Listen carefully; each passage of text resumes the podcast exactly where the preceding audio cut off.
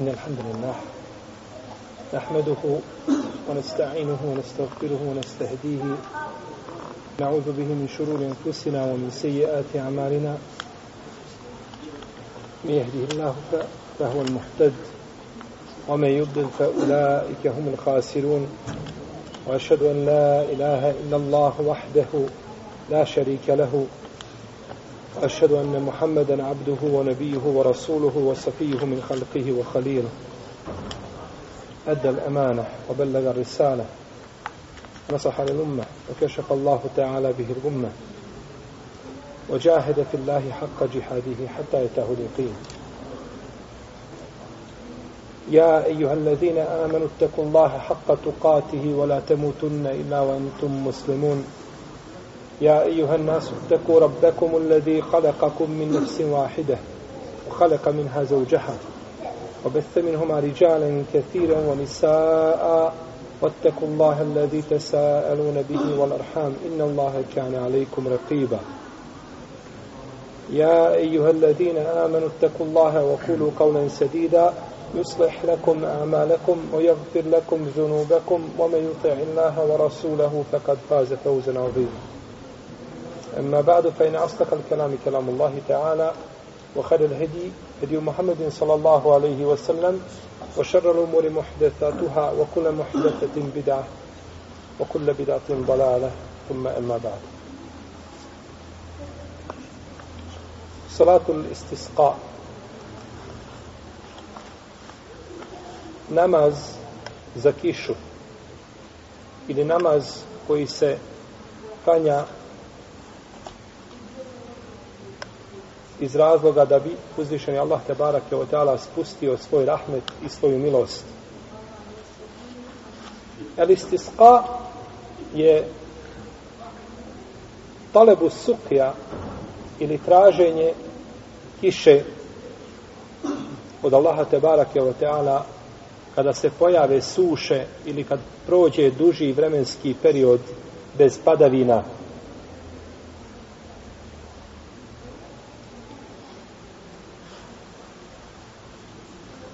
Nema razilaženja među islamskim učenjacima da je sunnet da je sunnet tražiti da uzvišeni Allah te barak je od spusti padavine. No međutim, razilaze, razilaze se kojim se to putem i kojim se načinom traži, znači, kiša od Allaha te barak je teala.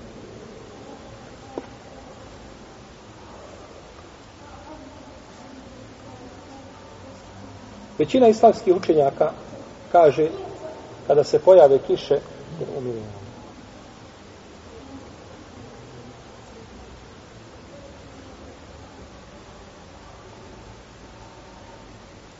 Većina islamskih učenjaka smatra kada se pojave suše da je lijepo imamu da iziđe sa klanjačima sa što većim brojem ljudi i da se klanja namaz za kišu, da im klanja dva rekiata, onako kako je činio poslanik sallallahu alaihi wasallam. Pa od Abada ibn Temima, od njegovog amiđe, se prenosi da je poslanik sallallahu alaihi wasallam izišao na musallu, tražeći kišu, okrenuši se prema kibli i klanjao je dva rekiata i prevrnuo je svoju odjeću ono što je bilo na desnom ramenu to je došlo na lijevo rame. Kaže imam Ebu Hanife nije sunnet klanjati namaz za kišu. Nije sunnet da se klanja namaz i da se ime traži i tim putem da se traži kiša od Allaha te barake od teala niti da se izlazi na musallu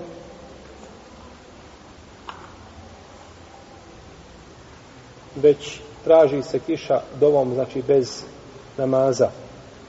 No, međutim, hadis koga smo prethodno spomenuli je dokaz učenjacima koji kažu da ima namaz za kišu koji se zove salatu istisqa, jeli istisqa je traženje kiše. Kao kada kažemo festezadehu, tražio je od njega još. To je traženje nečega.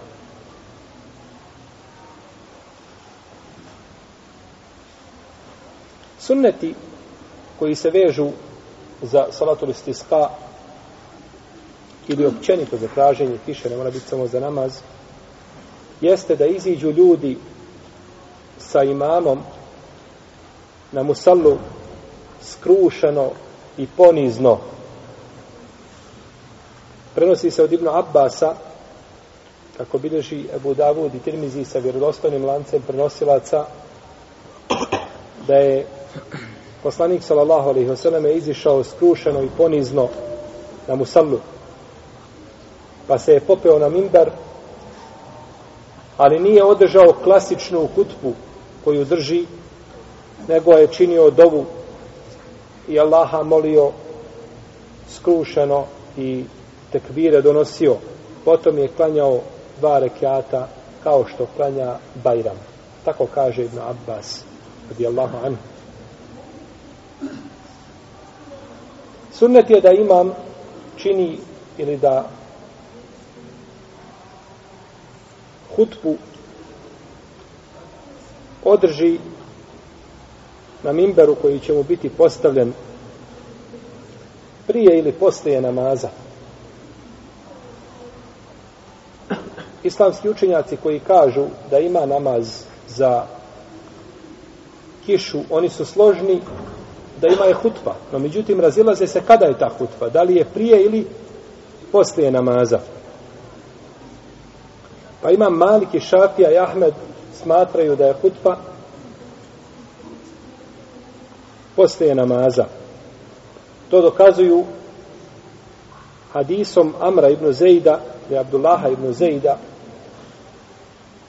koga bilježi Ahmed i drugi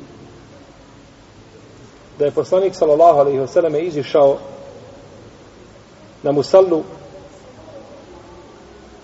i da je okrenuo svoju odjeću i okrenuo se prema kibli i da je počeo sa namazom prije hutbe. Potom se okrenuo prema kibli i dovio. Pa je dokaz da je hutba bila posle namaza kao kod Bajrama. U hadisu Ebu Hurere se navodi izišao je poslanik sallallahu alaihi sallam jednoga dana da klanja namaz za kišu pa je klanjao dva rekiata bez ezana i kameta potom je održao hutbu i dovio Allahu Đelešanuhu okrenuo je svoju odjeću i ono što je bilo na desnom ramenu došlo je na lijevo a ono što je bilo na lijevom došlo je na desno rameno. dok kaže imam Malik i Ahmed po jednom rivajetu, jednoj verziji od njega, da je hutba prije namaza, kao kod džume, da će hutbu imamo držati prije namaza. I to dokazuju hadisom Abdullah ibn Zejda u kome stoji izišao je poslanik sallallahu sallam da klanja namaz za kišu pa se okrenuo prema kibli i dovio, krenuo je svoju odjeću, potom je klanjao dva rekiata učeći na glas. I ovaj hadis bježe Buhara i Muslim. Pa izgleda da je poslanik sallallahu sallam nekad činio jedno, a nekada činio drugo i da mjesto hutbe nije tako kategorički ograničeno. Ako se učini prije namaza, ispravno je, ako se učini poslije namaza, isto tako neće, neće smetati. I ovo je mišljenje jedna verzija kod imama Ahmeda u njegovom mezhebu i odabro ga imam Šaukjanija. Znači da se može šta? Činiti jedno i drugo. Znači da je dozvoljeno da imam bira da li da prvo klanja namaz ili da održi hutbu ili da održi hutbu. Ako zna da će se ljudi razići nakon namaza, onda je bolje šta da prvo održi hutbu.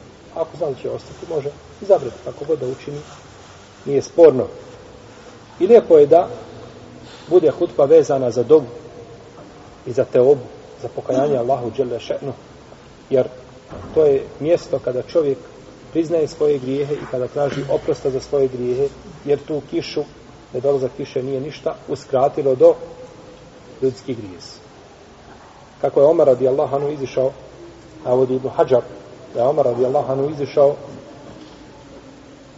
i da je dobio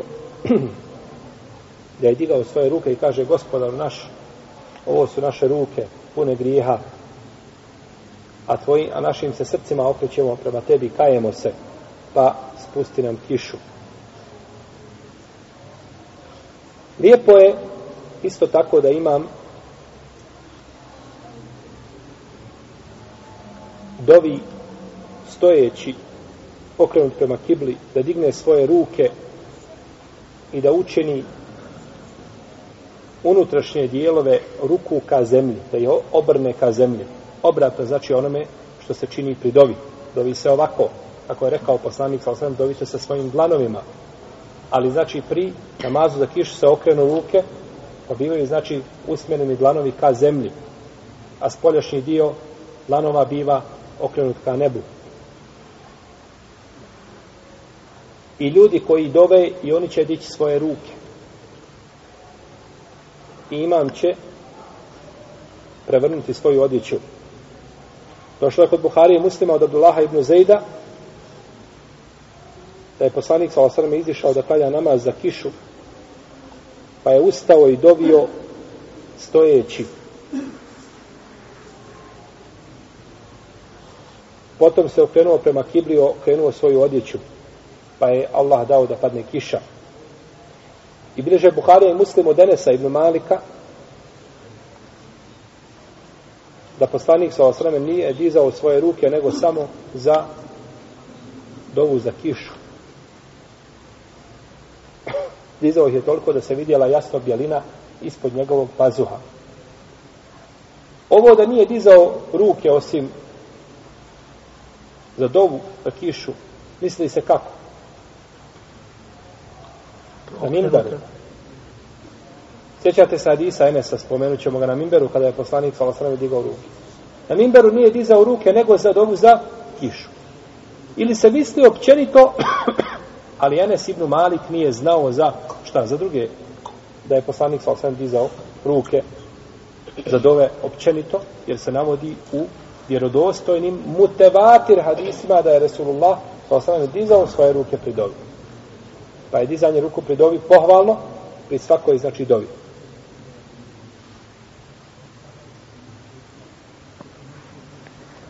I došlo je u hadisu Enesa koga bilježi ima muslim i Ebu Davud i Tirmizi eh, uh, ima Mahmed da je rekao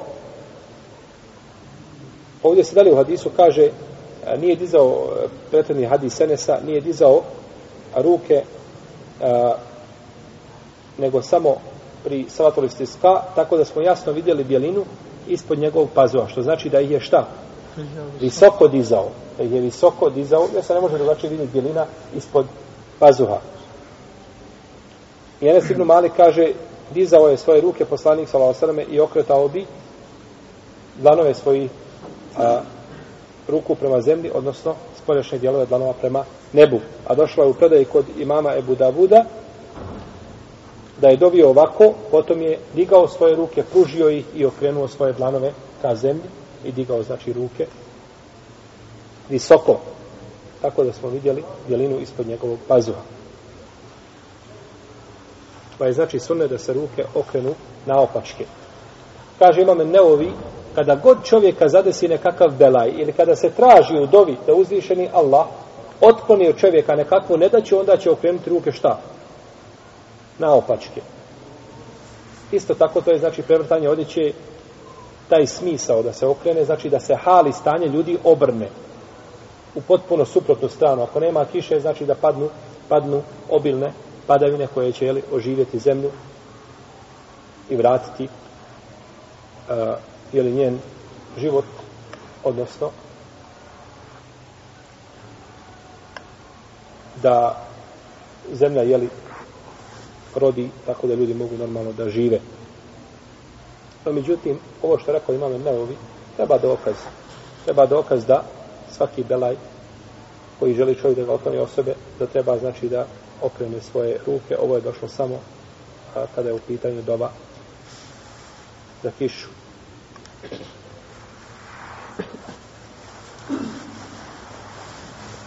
I došlo je u hadisu koga bilježi imam Buharija od Enesa ibn Malika, da je rekao, dobio je poslanik Salosrme petkom za kišu, pa je digao svoje ruke, pa su i prisutni ljudi dizali svoje ruke. Ovo je došlo, da je poslanik Salosrme dobio za kišu. Pa je digao svoje ruke i prisutni su šta? Digli ruke. I nije došlo da je poslanik Salosrme dobio na minberi, osim za kišu. Tako da je dova i dizanje ruku na minberi mimo toga nije ispravno.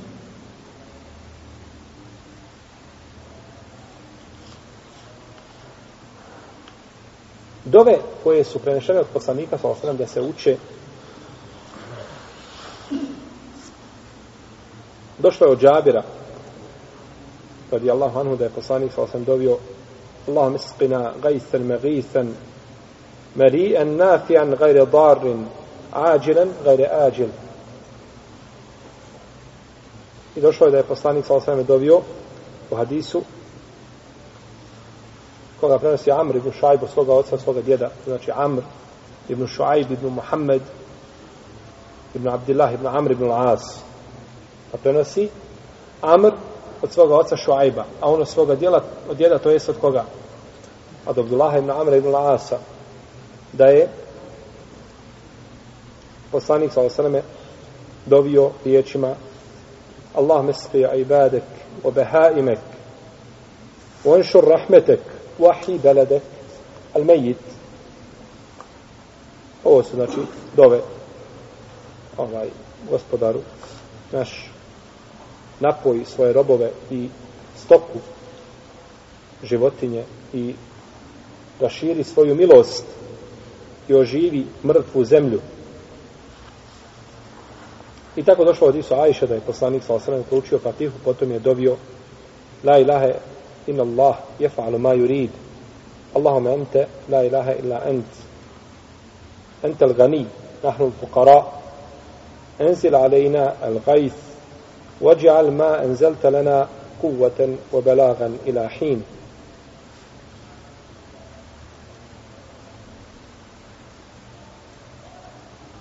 hin. klanja će dva rekiata kao što se klanja Bajram namaz i doviće je li prije ili posle toga kako smo kazali u hutbi i učit će naglas u namazu jer je došlo u pretrednim hadisima Ibn Abbasa i hadisa Abdullah ibn Zejda da je poslanik sa Vasaleme klanjao što se, kao što se klanja Bajram i učio je naglas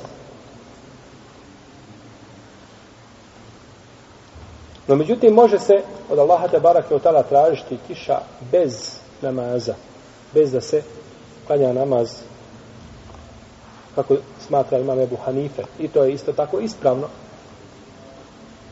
No međutim neispravno je kazati da nema namaza za kišu jer je to poslanik sa osnovne činio po svoj prilici u više navrata. Tako se ispredaje zaključuje da je to bilo u više navrata. Dok je nekad činio hutku prije namaza nekad posle namaza šta? Nije moguće da je klanjao samo jedan put šta? Salatul istiska i da je činio hutbu ili da je održao hutbu i prije šta namaza i posle namaza, nego se to desilo sigurno bar dva ili više puta. Bileže Buharije muslimu Denesa ibn Malika kada je došao jedan čovjek petkom dok je poslanik sallallahu alaihi sallam bio na mimberu.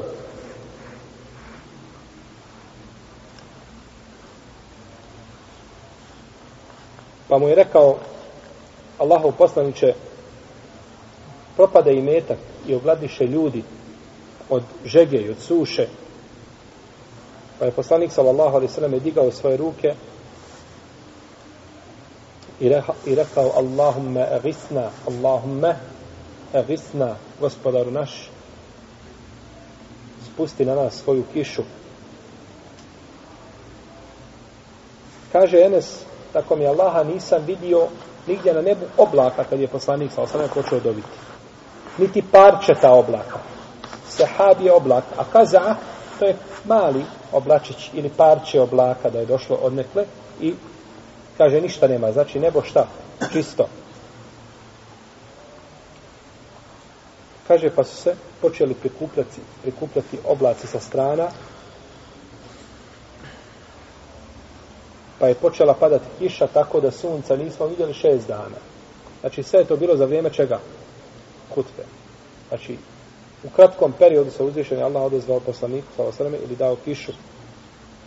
Sve do naredne džume je padala kiša. Dok nije došao, kaže, isti taj čovjek pa kaže Allahov poslaniče, propade ponovo i metak sada od kiše, uništi sve, dobi Allaha da prestane kiša. Pa je poslanik sa osrame digao svoje ruke i kaže Allahume havalejna wala alejna. Gospodar naš, spusti tu kišu da pada oko nas, a ne na nas.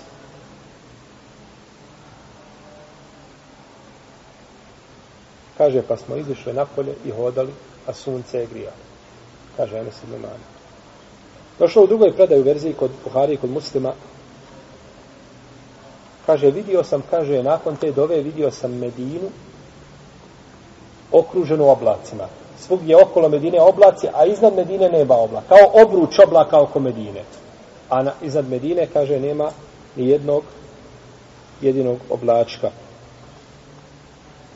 Kada bi god, kaže poslanik, sa osam pokazao svojim prstom na jedno mjesto, na nebu, kaže, na tome mjestu bi s tog mjesta bi otišli oblaci.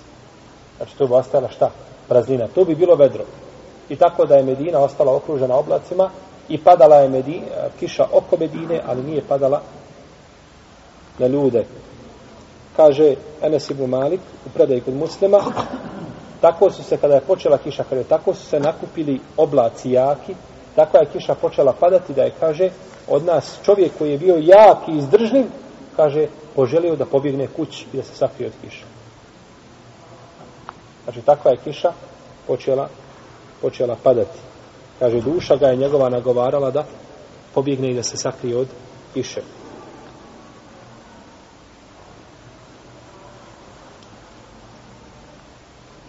Pa je znači dozvoljeno imamu da dovi sa mimbere ako se ukaže potreba da se dovi za kišu.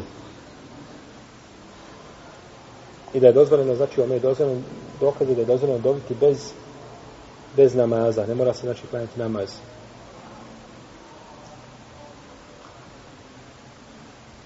Dozvoljeno što tako dobiti, a da ne bude petak, niti da se klanja namaz.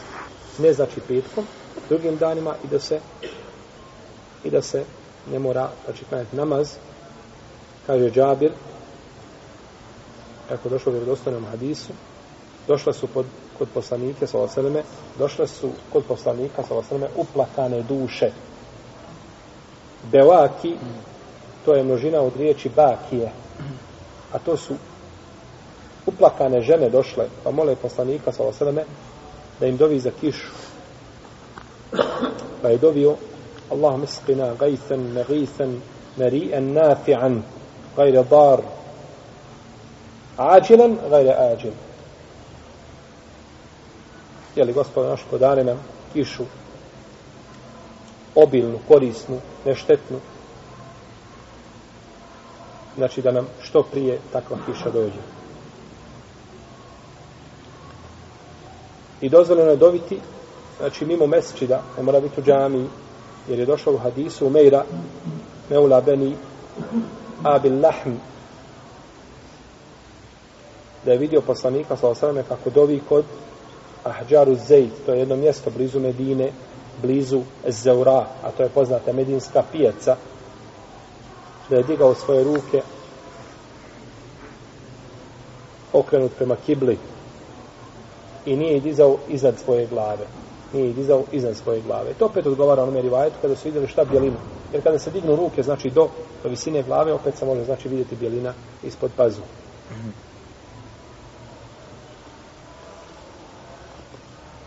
Šta će se kazati ili raditi kada se vidi da, da pada kiša? Lijepo je čovjeku kada pada kiša da dovi onim što je preneseno od poslanika sallallahu alejhi ve kako došlo od Isu Ajše koga bilježi imam Buharija i drugi kada bi vidio kišu dovio bi Allahume sayyiban nafi'an. Allahu dragi učinio ovu kišu za nas korisnom. I kada bi vidio kišu kazao bi rahmetun ovo je milost. Ovo je milost. Mora čovjek biti ubijeđen da kišu šalje uzvišeni Allah za uđeli, da je to njegova blagodat. A ne da to dolazi od zvijezda, sazvježđa ili bilo čega drugoga. Prenosi se od Zejda ibn Halid al-đuhenija radijallahu anhu, kaže, klanjao sam sa poslanikom, sallallahu alaihi sallam, sabah namaz, odma nakon što je prestala kiša. Znači, padala je do sabaha, pa je prestala, pa su klanjali sabah namaz, pa kad je završen namaz, okrenuo se i rekao ljudima znadete li šta kaže vaš gospodar? Kažu Allah i njegov poslanik najbolje znaju. Pa je rekao kaže Allah te barake o teala osvanula je od mojih vjernika od mojih robova i vjernika i nevjernika. Onaj ko kaže Allah nas je svojom dobrotom počastio kišom ili poslao nam kišu taj vjeruje u mene, a ne vjeruje u sazježđa. Ako kaže sazježđa su ta koja su nam spustila kišu, pa on je vjernik u sazježđa, a ne vjernik u mene. Jer čovjek koji kaže da, da sazježđa spustaju kišu, on je Allahov, rahme, eh, Allahov rahmet rahmet, njegovu blagodat pripisao šta? Nekome drugom. I učinio je širku rububijetu. Jer je uzvišen Allah taj koji obskrbljuje, koji daje život, koji daje smrt, koji šalje kišu, je tako? To je rububijet njegov te barake od teala, pa nije mu dozvoljeno tu učiniti širk, kao ništa nije dozvoljeno u, u uh, eh, eluluhijetu, niti u elesmao sifat. Pa je to samo od Allaha te barake od teala i nije ni od koga, nije od koga drugoga. Znači da ne bi čovjek, uh, ka, kao što smo govorili za pomračenje sunca, da nije zbog života nekoga od ljudi, niti smrti, zbog rođenja, niti smrti, nego je to Allahova blagodat koju daje ljudima da bi se vratili njemu i da bi razmislili o njegovim ajetima. Tako isto znači i kiša od Allaha te barak otala isključivo i nema toga na zemlji ko može poslati ljudima kišu.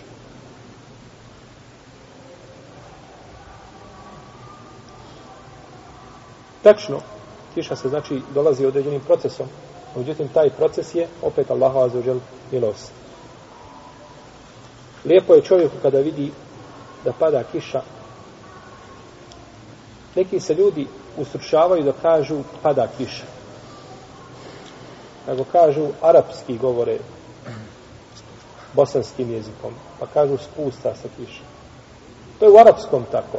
Nuzulul matar, spustanje kiše. To je u arapskom jeziku. U našem jeziku je pada kiša. Ne mislimo mi da pada da je to azab ljudima. U arapskom bi bio azab kada bi se kazalo pada kiša. No međutim, U našem jeziku kažemo pada kiša, mislimo šta? Da Allah spusta svoju milost i svoj, i svoj rahmet. U arabskom jeziku ima razlika između gajs i matar.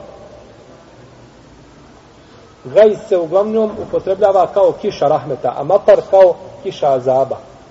Ili ono što pada ljudima kao azab sa neba. Ne mora, nije, nije fiksno pravilo, no međutim, uglavnom se upotrebljava u tim kontekstima. No međutim, naš jezik nije znači takav, nego kažemo pada kiša, a mislimo time znači da dolazi Allahova milost i njegov rahmet. Pa je lepo čovjek kada vidi da pada kiša da dovi, jer kaže poslanik sallallahu sallam u tri slučaja uzvišeni Allah prima dovu,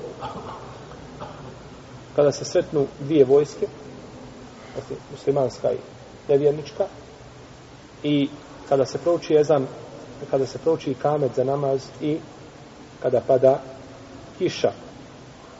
Šeh Albani ovaj hadis ocenio vjerodostojnim, neki su mu pregovarali.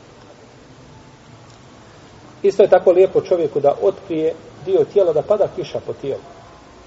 Da pada kiša po tijelu. Jer je došlo, kod imama muslima o njegovom sahihu, od Enesa ibn Malika,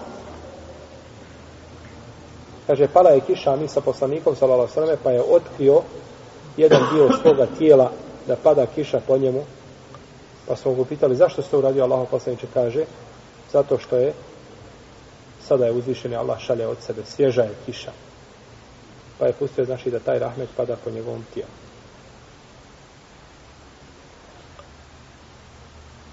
A ako vide ljudi da pada previše kiše i da bi mogla namijeti nepogode, poplave i slično tome, da uništi usjeve, onda je dozvoljeno ljudima da dove šta, da uzvišeni Allah zaustavi kišu. Kao što je poslanik sa osvijem dovio, znači, samim bere pa je kazao Allahume havalejna wa la alejna gospodar naš daj da pada oko nas a ne na nas pa je nakon toga dovio. Kaže neka pada po brdima i proplancima i gdje ima drveća po šumama i po dolinama a ne da pada znači na nas. Pa je dozvoljeno znači dobiti da prestane znači kiša jer znači obilne padavine mogu isto tako izazvati belaje kao što može zaznati suš. To bi bilo ukratko, znači, o a, salatu listisqa ili elistisqa, traženje kiše, pa govorili smo, znači, da postoji razilaženje među islamskim učenjacima. U osnovi propisa nema razilaženja da se traže kiša, no međutim, kada se radi o putu ili načinu a, traženja kiše, onda tu postoji spor među njima. Ta'ala alam. Sallallahu ala nabina Muhammad wa ala alihi wa ashabihi ajma'in.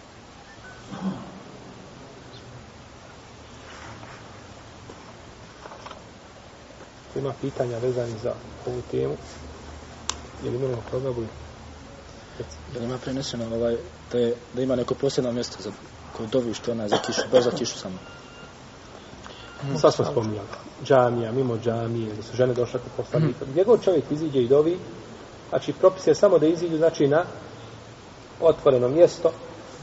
Osim opet, Allah najbolje zna, osim al mesjidu al harama, kao što smo govorili, da oni bajram od odlika a časnog hrama jeste da se Bajram klanja u njemu, izlazi se mu salu. Tako isto i salatul istisqa. I ove godine na hađu je klanjan salatul istisqa, koji je bio na hađu. Jedno jutro posle sabah namaza je obavljeno ovaj namaz. I nema posebno mjesto. Gdje god da čovjek klanja ispravno. Recebno.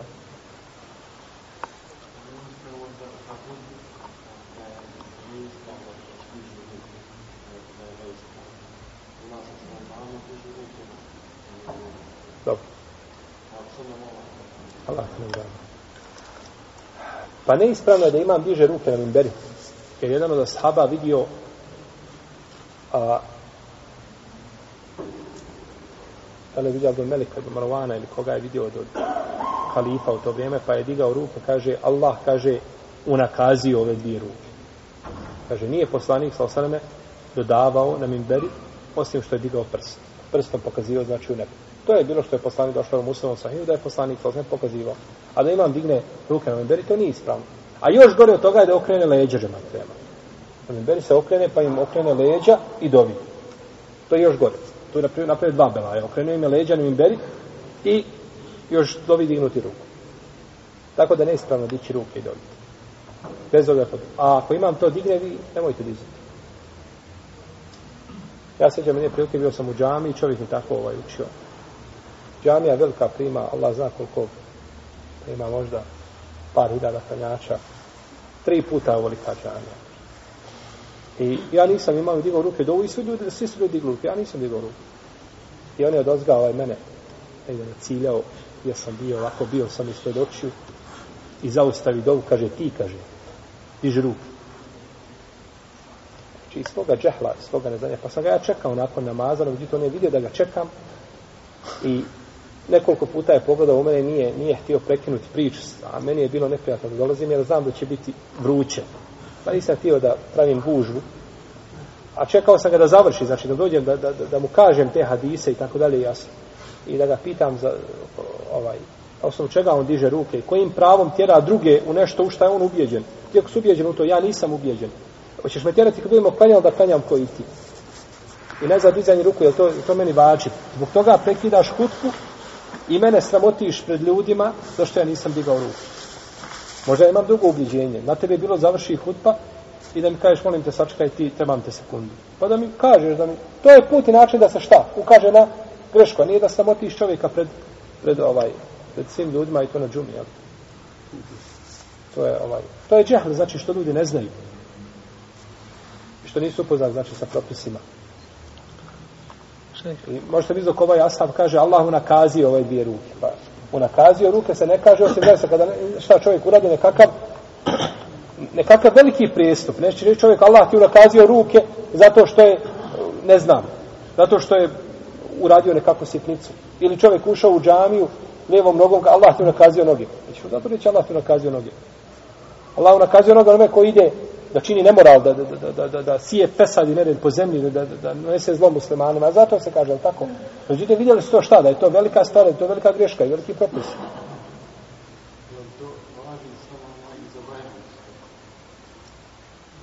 Kako, ne, razumijem pitanje. Ne, ne, bilo za Bajram, bilo za, za, ovaj, za, za bilo šta, nema dizanja ruku na mimberi, osim kada se zovi za kišu. To je jedino, znači, što je preneseno od poslanika, da nema toga. No, međutim, to imami nasljeđivo jedno od drugi, možda su tako učili u školama gdje su se obrazovali, i tako dalje. To je, to je njegova stvar. Znači, ja neću dobi, znači, čovjeku u ktediji nije ispravno, niti da aminuje na njegovu dobu. On kad dovi, nek dovi. Ti nemoj amin, ti šutiš. Nećeš aminovati na njegovu dobu. Jesi. Iako je doba regularna i dova je legitimna, znači da se uči beru, to bere, u tome nema ništa, nema nikakve smetnje. No, međutim, ja neću dobiti. A dizanje ruku nema osnove i ne treba ispraviti. Jesi. Mi imamo i muktedi.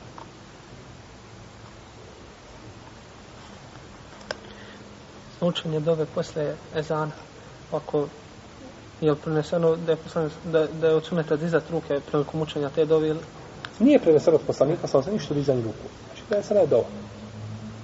Čovjek može ponekad može dobiti, spustili, može ponekad dobiti, dig- dignuti ruku. Znači, onaj ko dobi dignuti ruku neće mogao osuđivati da čini bidat. Ali to nije znači preneseno ništa. Tamo gdje je došlo da, da nije preneseno, da je poslanik sal dizao ruke, tu vrijede opće pravilo, znači da je poslanik sal dizao ruke, da se mogu dignuti ruke.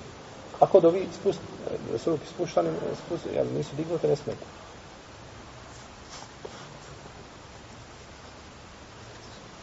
razgovarao sam s majkom, znači, Sa majkom. sa majkom. Dobro? I e, nešto o Zubanu i. Dobro. I ona mi je rekla da vas pitam da li je dozvoljeno ženi da uzme muževo prezime uz svoje ili da se odrekne svog da uzme. Žena kada suda je, ona zadržava svoje prezime. Žena ostaje na svome prezime. I to je veliki munker i veliko zlo, što su danas muslimani počeli slijediti nevjernike. Kod muslimana gdje je objavljen Kur'an na arapskom jeziku, od vremena poslanika sa osam do današnjih dana, ne znam da se ikad desilo da je žena uzela prezime muža, niti ga može uzeti. Znači, to bi, ti kad bi rekao kadi da se ženiš i da želiš da, da tvoja žena uzme tvoje prezime, to bi za njega bio najveći cirkus koga je čuo. Znači, to, je, to kod nje ne postoji. Da žena može uzeti, kojim pravom ona može uzeti tvoje prezime? Ona ima svoje ime, ima svoje prezime i ostaje na svome prezimenu. Nema ga pravo mijenjati jer je to promjena ovaj a, poroda kome se pripisuje. Ona ne, nije, na primjer, preziva se žena Ljubijankić. I ona nije Musić. Musić je muž, a ona je Ljubijankić. Kada ona uzme, pa nije više Fatima Ljubijankić, nego je Fatima Musić. Ona se je pripisala ocu od muža, njegovoj lozi, kojim pravom? A poslanik sa osvijem kaže a, da je u hadisu, znači da je, da je, da je proklet onaj ko se pripiše mimo svome ocu. To je pripisivanje mimo oca. Kojim pravom? I time se taj čovjek hoće da ima svoj porod. Utire se ta loza. To je zabranjeno. Tako da to nije, znači, to nije muslimanski običaj, znači sigurno nego običaj nevjernika. Ako ga su muslimani objeručke prihvatili i kaže ako žena nije uzela muževo prezme, nije mu šta? Pokorna, je tako? Ne sluša, neposlušna. To što ona ne klanja i što ona nema marame i što ona je ona nemoralna i što ona je možda je raskalašenog ponašanja i što, to sve ne smeta. Ali bitno je da ona uzme šta? Prezime. Jer uzimanjem prezimena, braćo, Sjećate se kad se, kad se naše muslimanke ove ovako bosanke udavale za, za, za četnike i kad dođe do pitanja prezimena kako tu se zauzme stavi, ne mora se odreći jer kad se odrekneš prezimena ti se odre svoga nečega što imaš i to je jako bitno, to je utiranje Znate li, braćo, da je jedne prilike u, u Francuskoj izišlo ljude na ulice, napravili belaje u zemlji, zato što je pet minuta, što su bile vijest na engleskom jeziku. Kažu, kojim pravom u našoj zemlji mogu biti vijest na engleskom jeziku? Pa dobro, nije uništa ništa, nije francuski jezik, ništa. Ali oni osjećaju da tu ima neko da je ušao u u kuću. Da tako, dok si ti došao sa svojim jezikom, ti si meni ušao u kuću. Bojim se da ti to mene raskopaš jednog dana da ne bude pričao su mojoj zemlji pola ovako pola. Jer je jezik, braćo, to ukazuje na a, istoriju ljudi, da imaju svoje korijene. Ovo isto nije, stvar se imalo razlikuje. tako da nije dozvoljeno i kaže se za si, one za u duhum li abaihim hu aksetu im dolma. Dovite ih po očevima njihovim, to je kod Allaha preče i to je bolje. Pa kako ne smiješ ženu mijenjati etimu, njegov porod, tako ne smiješ jednu ženu. Tako da tu, ne znam da tu ima poseban spor, da je to zlo, znači da se da se uzima prezim. Jesi.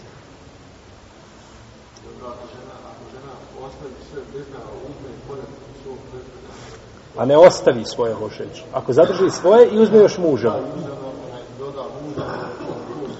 Da se ne zna čije.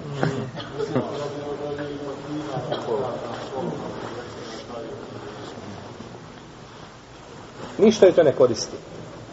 Znači, kada bi došao čovjek sa ženom i oba dvoje istog prezimena i dođu u neku instituciju, kažu mi hoćemo to i to, jeste i muž i žena, jesmo, kaže daj mi vjenčani lista, tako. Nikog ne zanima prezime. To prezime što ima, može biti sestra, može biti tetka, može biti ne znam što, može biti neko drugi. Dobro, ne može tetka, ima drugo prezime. Tako, ako. Znači, koja sestra? Znači, koja tetka. U svakom slučaju, ovaj, ne koristi to ništa. I da žena zadrži i uzme muža u prezime, to je isto zlo. Malo manje, za nijansu manje nego ovo. Ali, bojim se to je jedno upakivanje. Pa to je njihovo, opet je to njihovo. Nikada niste čuli da muslim, opet muslimani nikad tako nisu, ali opet je to njihovo. Darka, ova, ova. Pa ima dva prezimena. To je isto, to je isto munker. Žena na svome prezimenu, muža svome prezimenu, to je braća praksa koju mi moramo oživljavati. Praksa koja se mora oživljavati, jesu. A djeca koja. A po babi. Po babi, strogo, jeste. Nikako po majici. Djeca se pripisuju ocu i bivaju njegovog prezimena. Jeste, to je njegov porod. Kod muslimana bivaju po babi.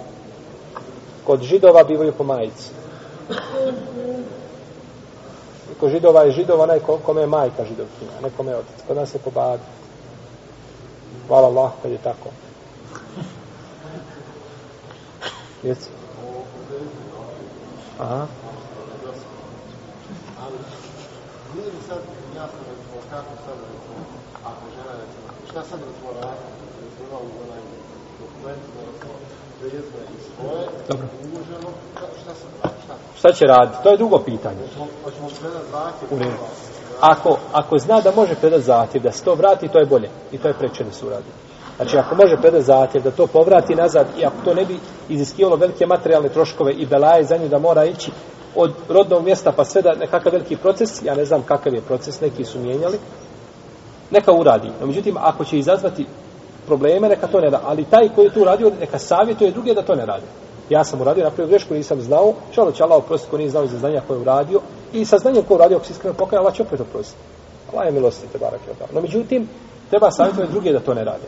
Ja sam uradio, napravio grešku, nemojte napraviti istu grešku. To je bitno. Znači da se, i ta praksa sigurno ne može zaustaviti za 5 ili 10 godina. Danas, većina naše ljudi, kad mu spomene što, ovaj, to je za njega novina koju nikada čuo nije i koju će sibrati narednih 10 godina. Ja sam rekao.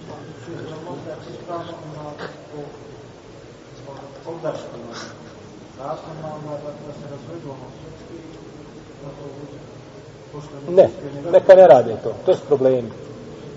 To je prvo davanje razvoda braka koje je sporno u šarijetu, jer davanje razvoda braka iz bilo kog razloga nije ispravno. Ovaj, e, onda su to parnice, idite, ganjajte se, jurite se po sudnicama tamo. Tako da, to je opterećenje za čovjeka. Mi kažemo, ako može otići negdje, znači da, da preda zahtjev u matični ured ili općinu, taj, taj zahtjev za zamjenu prezimena, i da će to biti jedan proces koji ide sam sobom i do, dođe u rješenje nakon 5-6 mjeseci u rad to ili neke sitnice može. No, međutim, ono što će izazvati, jer ulema uvijek kada govori čovjek o popravku greške koju učinio, znači da, da nije ta greška opterećenje za njega preveliko. Na primjer, čovjek se tetovirao. Se tetovirao nešto na ruci. I onda saznao da je tetoviranje zabranjeno u šerijotu. Šta će? Imaju laserske operacije kojima se to odradilo. Međutim, jako skupe. To se privatno radi. Nećemo kada čovjek ti radi godinu dana, žuljaj negdje i, ovaj, pa onda i nakon toga plati da te skine nekom. Ne moraš to raditi. Ako ima mogućnost to uradiš bez posebnog posebne nekakve ovaj posljedica po tvoj metak i po tvoje vrijeme i tako da ne moraš izgubiti, uradi protivno, ostavi pa pijesti pokaj sa Allahom i ostavi. Tako isto po pitanju prezimena. Jesu.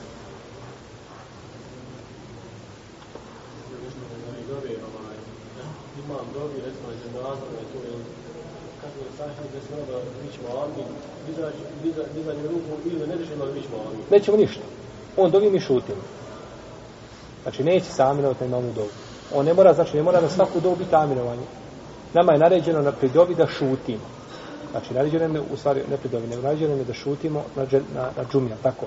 Kad imam ovaj, drži hutbu, dozv, nama je obaveza da šutimo. I nije došlo od prvih generacija da su, znači, ovaj, dovili i da su aminovali na njemamovu dovu. I znam da je to Ibn Abidin od Hanefijskih učenjaka da to nije dozvolio. Ovaj, I jedino što dozvoli salavate. Jer je petak posebno vrijedan dan u kome treba donositi salavate i salavat na poslanika, salavat se to spominje svugdje. Ovaj, čak sam čuo neke imame dok uče na, kad spomenu, na kaže Muhammedur Rasulullah, sallallahu pa nastavio da uče. Pa to se salavat čak na namazu. Tako da je ovaj, a, iako to nije prenešeno od poslanika, salavat se tako, no međutim, ovaj, salavat se donosi, a dova ne dobi se. Imam nek dobi, alhamdulillah, njegova dova je doba, svi su muslimani tu, veliki je džemat, ljudi moraju amirati u. Reci. Možda je malo onaj kompleksno pitanje, ali ako možete nekako ukratko da vam objasnite.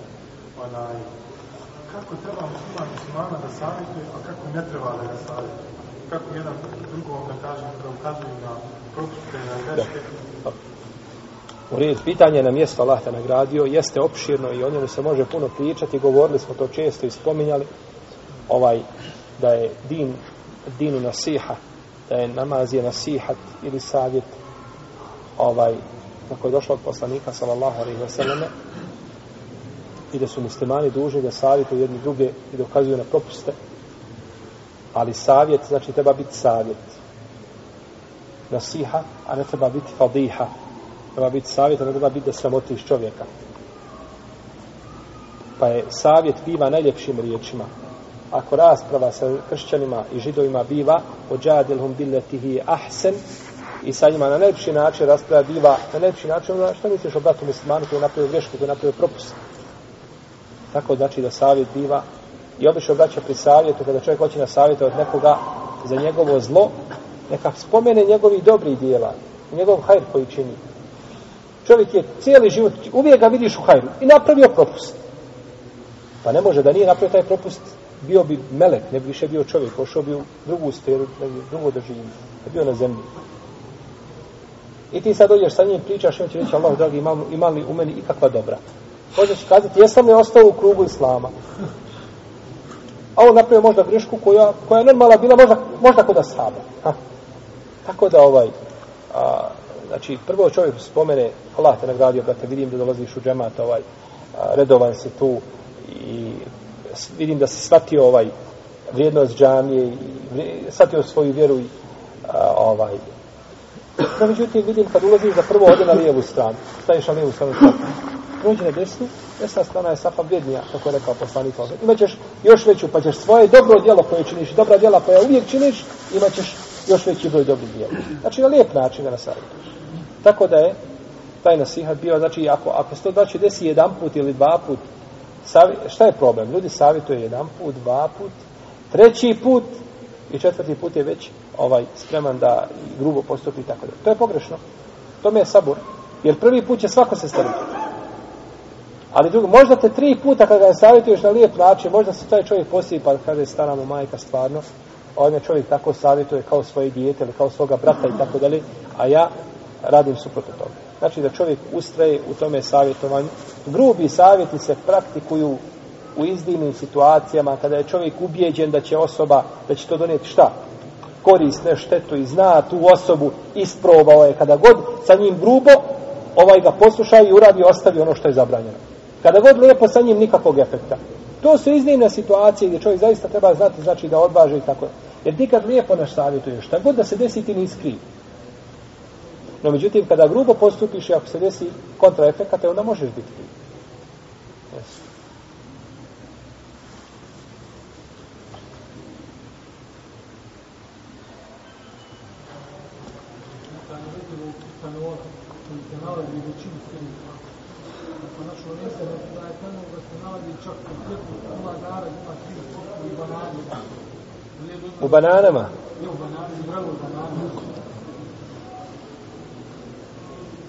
Je to u ovim prirodnim ili vještačkim bananama? Kako može Da, banana? Tako viču i za grožnje, kad se ne jedeš možda na... Hmm?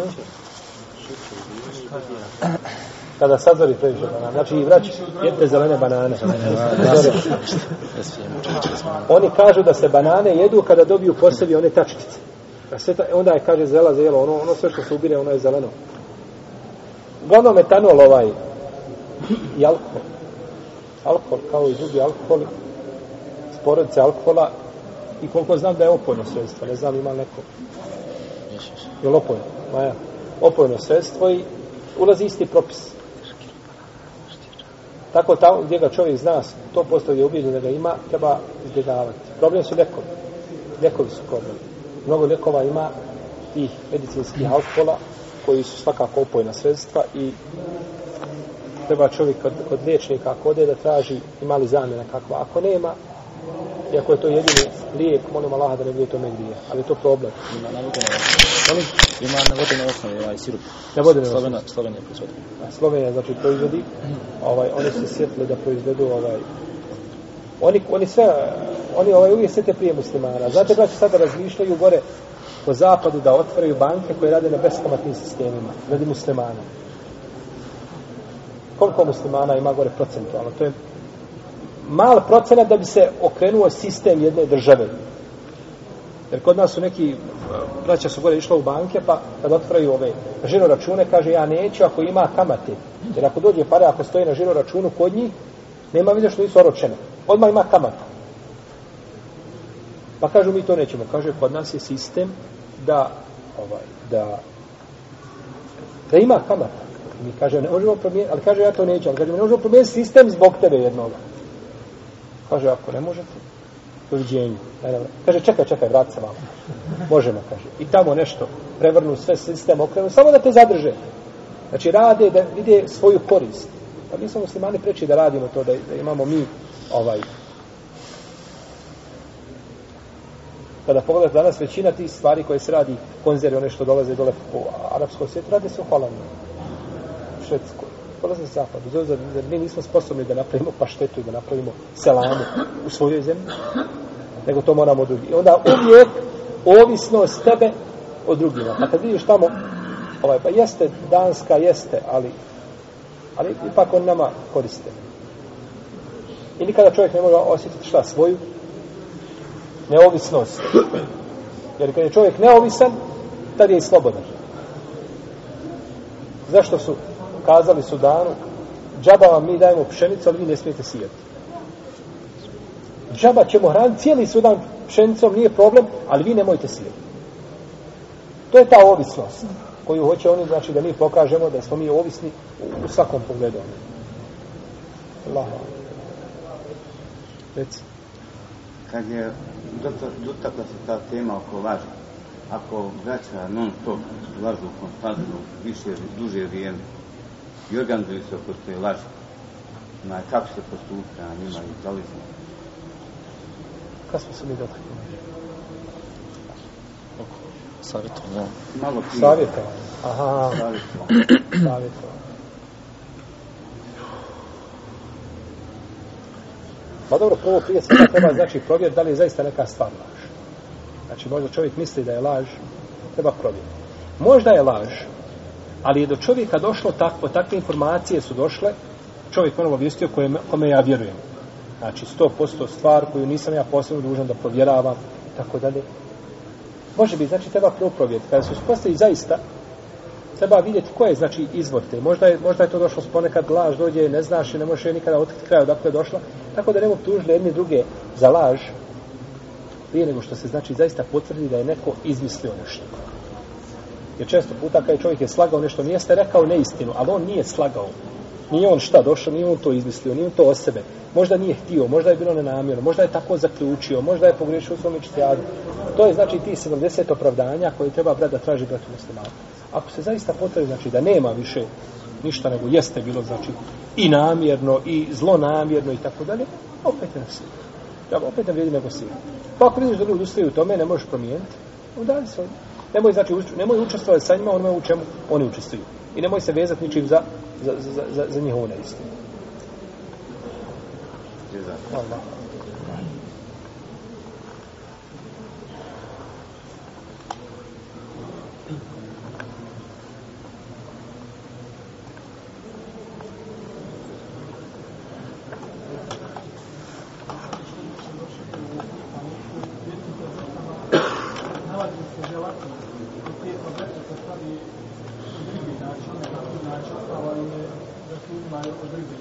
Želatine od ribe. Što vi pričate puno ljekova, vi ste mladi momci, vama je rano za ljekove. Ljekovi, sirup. Zikri. Ha? Nek zikri, ništa. Pa ništa, ako je od ribe... Molim, molim. Pa dobro ako su od ribe. Nije to sporno. Riba je dozvoljena. Želatinu od ribe. O čemu se Džabe želatinu kaže, mi smo bili u jednoj bici sa poslanikom, sallallahu alaihi wa sallam, ne, nismo sa poslanikom, nego su bili, kaže, sami. Pa smo, kaže, nismo imali hrane. Pa bi stavio jedan od, od njih datulu u svoja usta i kaže, sisao bi je kao što mladu, kao što, što dojenče sisa svoju majku. Tu imaš datulu u ustima i, znači, ne jedeš je, ako je pojedeš, nema ništa. Nego kada je sisaš je po cijeli dan, kaže, dosta. Znači, za cijeli dan imaš šta jednu, to je što imaš tvoje, znači, danas je obrot svoje svi u jednoj datoli sadržaj. I kaže, pa, su, pa, je, pa je upitao Rabija, kaže, a šta ti koristi jedna datola? Kaže, šuti, kaže, znaš kako smo slas nalaze u toj datoli. Jer kad čovjek nema, jedan je šejh pričao, slušao sam kaže, bio sam, kaže, u zatvoru. I evo, kaže, jeli smo naranđu, donio jedan i, i reže naranđu, kaže, ja sam počeo guliti. Kaže, šta guliš? Pa kaže, gulim naranđu, da se guli. Kaže, ne, ne, ne, kaže, ti ne znaš, i ljuska se, kaže, jede. Kaže da probam. Kaže, kad sam probao stvarno, kaže, ljuska, kaže, slatka kao naranđa. I kaže, kad sam izišao iz zatvora, došao sam kući i pričam, kaže, ljuska, kao naranđa. I ljudi se počeli smijeti, kaže, da vam pokažem. Kaže, kad sam počeo jesti, nisam mogao jesti nikako ljuska. U zatvoru, kao naranđa. Mimo, kada čovjek nema nešto, kada je, kada je stisnut, onda, braćo, Allah daje olakšice. I daje bereket u nečemu, u čemu ostavi bereketa nema možda. Pa u ljuski dao šta bereket? Ali mimo zatvora, gotovo, kod će žena, djeca, dunjaluk, nema više čega. Svega ima u izobilju i više nama nemaš potrebe za šta? Za ljusku. Tako je ovdje. Ta datula je možda njima više bila nego što mi danas trpamo, jedemo i tako dalje. Pa smo jeli, kaže, pa smo gladni. Kaže, prolazili smo, pazite, mjesec dana, znači oni su ovaj, ostalo da nam Sedam minuta da Pa su oni ovaj, pa nisu kazali, pa nemamo ni šta jest, ajmo se vrat nazad za Medinovo, kućemo. Ne, ne, ne, ne, dalje idemo. pa su naišli pored mora, a more izbacilo kita, veliko. Kaže, pa smo jeli od toga kita, kaže, nas 300. Možete misliti, 300. Mjesec dana. Ostali tu, kaže, jel toga kita. Možete mi braću, koliko je to stvorenje? Pa smo, kaže, ono jeli oko oka, e, vadili mu one, one mast, kaže, jeli, kaže, pa smo se ugojili svi, kaže, od toga kita. Pa smo, kaže, pa je Ebu Ubejde izvadio njegovo oko, kako su ga izvadili, kaže, pa je u, u znači, u, toj, op, o, ta šupljina od oka, sjelo nas je 13 unutra. 13 ashaba sjelo gdje u šupljinu od, od oka. Pa smo, kaže, uzeli jedno njegovo ono, rebro, kako je bilo, kaže, pa smo ga zaboli u Medini, kaže, pa je prošao čovjek na devi ispod njega. Znači, jaše, možeš vidjeti koliko je deva visoka, i ona je prošla ispod, znači, koliko je to, šta rebro bilo ispod njega. Pa su kazali poslaniku, Allaho poslanici, tako i tako se desilo. Ebu Bedo nije znali za propis. Ne znali za propis, kaže, mi smo prinuđeni, jedemo. Pa, kad su došli u Medinu, kaže, posla, imate li, kaže, toga još imamo, kaže, daj. Pa i poslanik sa sam jeo sa njim. Allah, ekber. Allah, ta'ala. Sallallahu ala nebina Muhammed. Wa ala alihi wa sahbihi.